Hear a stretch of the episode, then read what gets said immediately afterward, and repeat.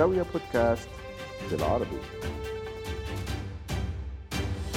أهلا بيكم وملخص سريع لأهم أحداث الأسبوع اللي فات. يلا بينا. البداية حزينة من المملكة المتحدة اللي أعلن فيها قصر باكنهام عن إقامة جنازة رسمية للملكة إليزابيث الثانية يوم 19 سبتمبر في منطقة ويستمنستر.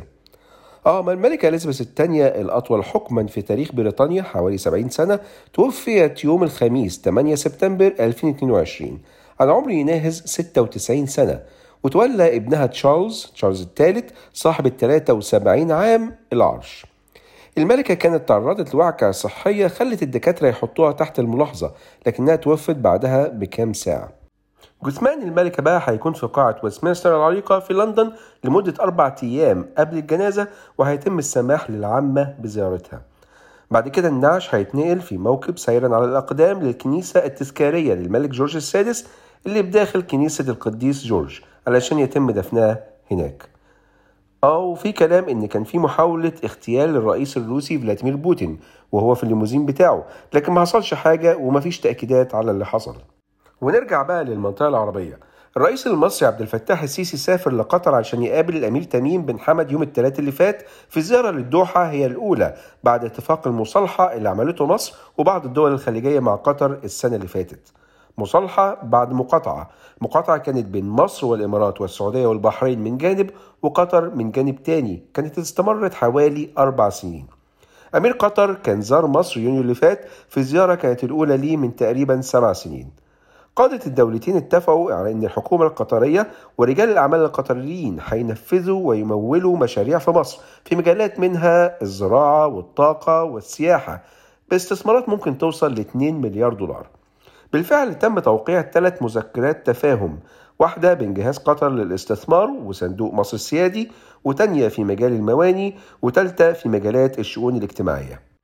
ونروح لمصر اللي في الوقت اللي العالم كله بيتجه للعملات الرقمية وافق مجلس الوزراء المصري على إصدار وسك عملة معدنية جديدة من فئة ال 2 جنيه. بعد ما كان البنك المركزي المصري أصدر عملة بلاستيكية جديدة لفئة ال 10 جنيه.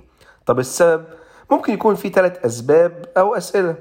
واحد هل ده معناه إن قيمة الجنيه انخفضت لدرجة إن أقل فئة ممكن المصريين يكونوا محتاجينها هي ال 2 جنيه خلاص؟ اتنين هل سك ال 2 جنيه معناه إن فئة الواحد جنيه هتموت خلاص علشان تكلفتها هتكون عالية مقارنة بقيمتها؟ تلاتة طب ال 25 قرش وال 50 قرش هيكون مصيرهم إيه؟ المهم مصر بتستهدف مضاعفة إيرادات السياحة ل 30 مليار دولار سنويا من حوالي 11 ل 12 مليار دولار سنويا حاليا بس طبعا الأرقام دي هتحتاج مساعدة القطاع الخاص والمطورين اللي مطلوب منهم خطة تنفيذية واضحة بمستهدفاتهم ومتطلباتهم من الدولة علشان ال 30 مليار دول يتم تحقيقها خلال سنتين أو ثلاثة أو زي ما قال رئيس الوزراء المصري. لكن في الإمارات الوضع مختلف. إيرادات قطاع السياحة هناك ارتفعت خلال النص الأول من السنة دي ل 5.2 مليار دولار تقريبا. يعني لو توقعات حاكم دبي بحدوث انتعاشة سياحية قوية مع موسم الشتاء الجاي ممكن إيرادات السياحة السنوية للإمارات تقرب من إيرادات مصر. بس في مصر عجز الميزان التجاري تراجع بنسبة 12% على أساس سنوي ل 3.2 مليار دولار في يونيو اللي فات بالرغم من تراجع الصادرات بسبب انخفاض صادرات قطاعات مختلفة أهمها كان الأسمدة ب 21% في حين تراجعت الواردات بنسبة 7.7% ل 7 مليار دولار رغم ارتفاع واردات القمح ومنتجات البترول والذرة لكن في تونس الوضع مختلف. عجز الميزان التجاري ارتفع بنسبة 61% خلال أول 8 شهور من السنة علشان يوصل ل 5.3 مليار دولار بسبب ارتفاع تكلفة واردات الطاقة اللي زادت بأكثر من 90% الواردات ارتفعت ب 34% والصادرات ارتفعت ب 24% يعني ممكن نطلع كده بقانون اقتصادي مبتكر وهو تجارة أقل عجز أقل وده حال مصر. تجارة أكتر عجز أكتر وده حال تونس.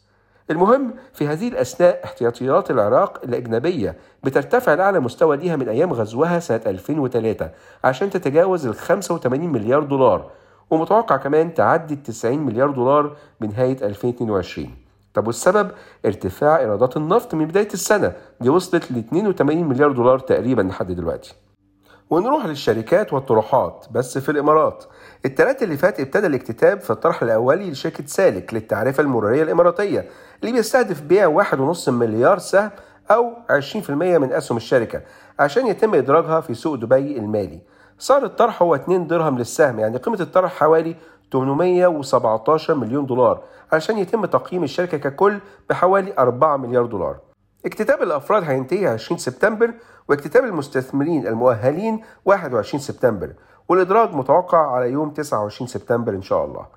ده يعتبر رابع طرح حكومي في الإمارات خلال 2022 بعد هيئة كهرباء ومياه دبي ديوا ومجموعة تيكوم وتعاونية الاتحاد واللي ضمن خطة الدولة لإدراج شركات حكومية في البورصة.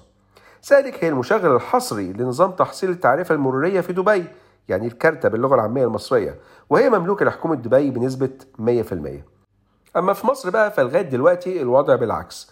أسهم الشركات بيتم تقليصها في السوق نتيجة انخفاض التقييمات وده اللي خلى المساهمين المؤسسين في شركة زي شركة دومتي اللي بتنتج جبنة ولبن إنهم يقدموا عرض الشراء على النسبة اللي تخليهم يتحكموا في 90% من الأسهم.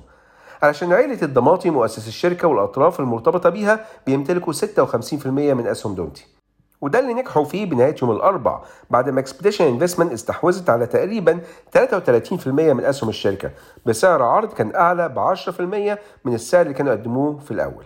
بكده نسبة التداول الحر هتنزل تقريبا للربع أو 11% بس.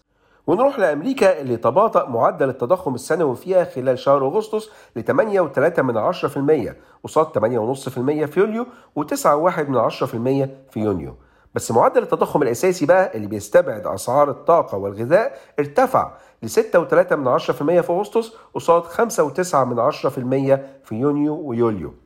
قراية أغسطس جت أعلى من التوقعات وده اللي خلى الأسواق الأمريكية تنهار لأن الكل طبعا في انتظار نتيجة اجتماع الفدرالي الأمريكي يوم الثلاث والأربع الجايين علشان يتم تحديد أسعار الفائدة الأمريكية وخصوصا إن معدل التضخم المستهدف اللي هو 2% لسه بعيد قوي. التوقعات بتتجه معظمها لرفع بثلاث أرباع في المية كمان. لكن في لبنان ترفع فايدة أو ما ترفعش لو عايز دولاراتك من حسابك البنكي مش هتعرف تاخدها بسهولة. ده لأن مصرف لبنان المركزي فارض قيود على سحب الودائع بالعملة المحلية والأجنبية نتيجة الأزمة المالية هناك. بس لو عملت غزو تحرير الوديعة زي ما سالي حافظ عملت في بلوم بانك في وسط بيروت واحتجزت رهاين تحت تهديد السلاح عشان تسحب وديعة بتاعتها ب ألف دولار علشان تعالج أختها المريضة بالسرطان. العملية ممكن تنجح لكن على فكرة السلاح اللي استخدمته سالي طلع مسدس بلاستيك بس العملية بتاعتها نجحت. وللأسف دي مش أول ولا شكلها هتكون آخر غزوة لتحرير الودائع كون ان المودعين مش قادرين يتحكموا في ودائعهم بسبب احتجازها عند البنوك اللبنانية هيخليهم يلجأوا للوسيلة الوحيدة دي اللي ممكن ياخدوا بيها فلوسهم ولو فشلت أو حاولوا خلاص بس لو نجحت بقى بلا تشاو بلا تشاو بلا تشاو تشاو تشاو. كان معاكم عمرو حسين الألفي من زاوية تحياتي لكم والسلام عليكم ورحمة الله وبركاته.